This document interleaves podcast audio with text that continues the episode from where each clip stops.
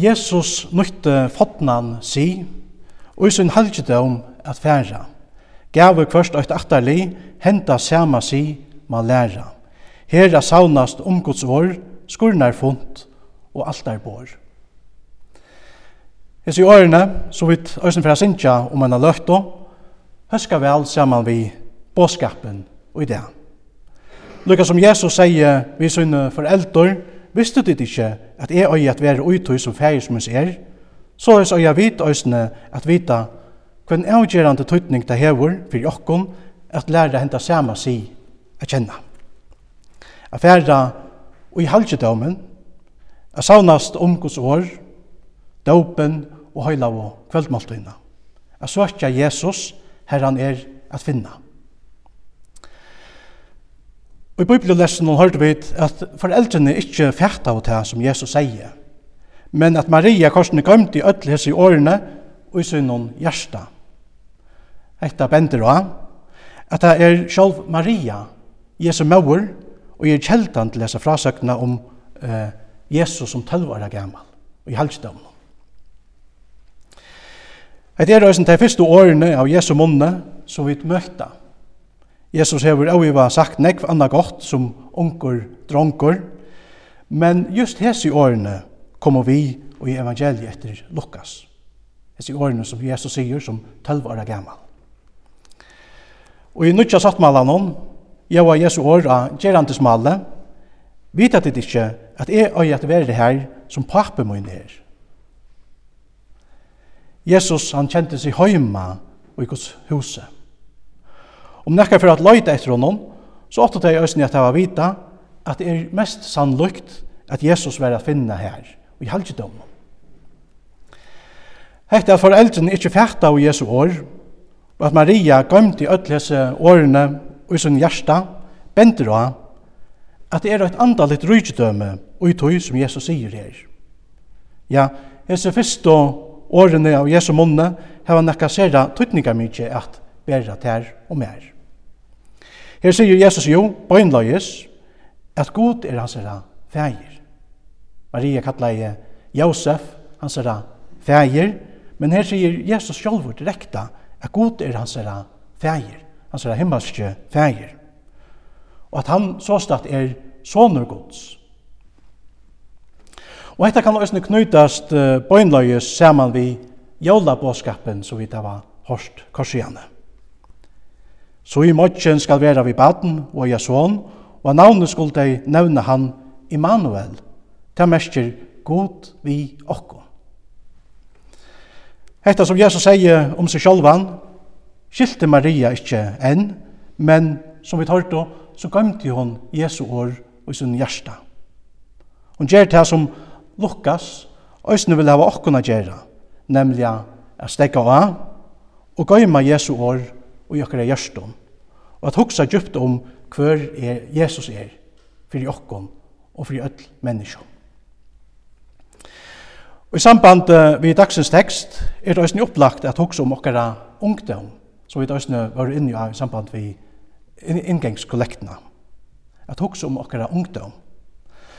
Om hinn 12 år gamle Jesus er i bruk fyrir å vera og i helgedomnon, saman vi himmelska pappasøgnon, så har de unge i det så sannliga og bruk for at være her, her som god er at finna.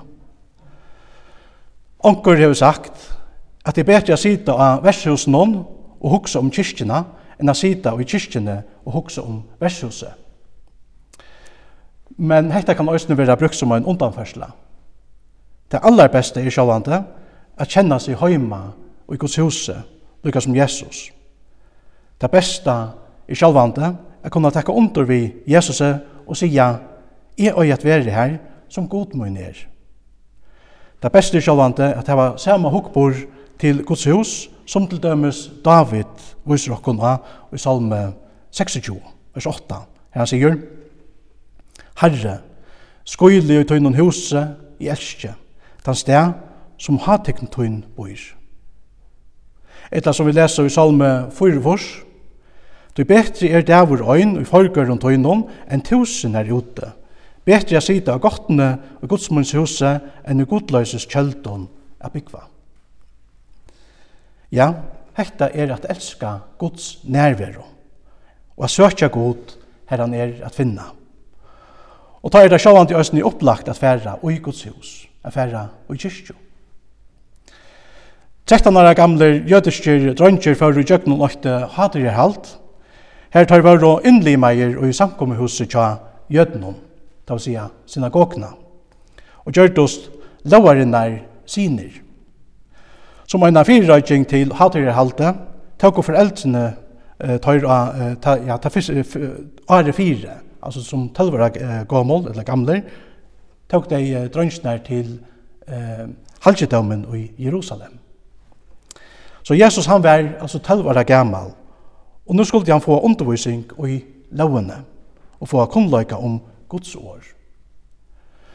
Lykka som i synagogen, var det også undervist og i halgjedømnon og i Jerusalem. En nekra at han mest lærte jødnon undervist. Vi tar lyse at Jesus han sett her og i halgjedømnon, her han bægi lytti av og spurte tar lærte. Undervisningen gikk fyrir seg bægi vi spurningen og svøren.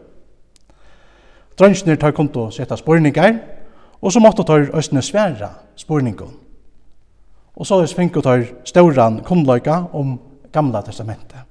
Særlig av lovene, til å si de fem møsebøkene. Man kan altså si at Jesus gikk til prest. Så løy det jauar, skulle sånne gods sjálfur få undervisning og i året gods. Vi tar jo oss en lyse i det, at Jesus tok til og i vøysdømme og aldre og inntikja gode og mannen.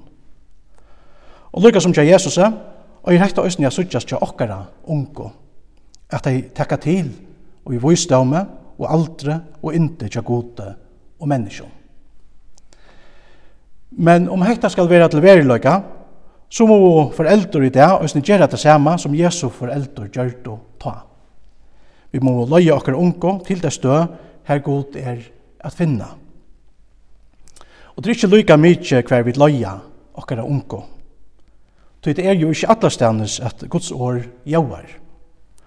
Og i grunden er det hekta som det høyla snur seg om Guds år og sakramenter. Jesus sier nekva viring for halvgjødømnen i Jerusalem. Det var hus fægersens. Tog er det òsne at Jesus han kørte teg ut som og i halvdømnen. Og han sier, skriva stentor, og hus mot øyre at vera et bønhus. Men tid har gjørst det til et rådsmannabøle. Men hevast Jesus heier hesa viringsna fyrir halvdømnen, så visste han òsne hva for at henta vi halvdømnen. Jesus han sier vi sånne lærersveinar, sannliga sier tikkun, her skal ikkje litja støyner etter av støyne som ikkje skal vera rive nyer. Ja, bygninger tar vera bygder og tar forfattla. Det vita vi. Men kristna kyrkjan er korsen ikkje bygningeren sjálvor, men samfellaget av kristnum som er ui kyrkjo bygningnum. Medan hesen kyrkjebygningningren var omvaldur fyrir nøkron æren søgjane, så var kyrkjan korsne den samme, kan man sija. Hon var bara i en øren huse, nemlig i gamla skolan om av Øyre.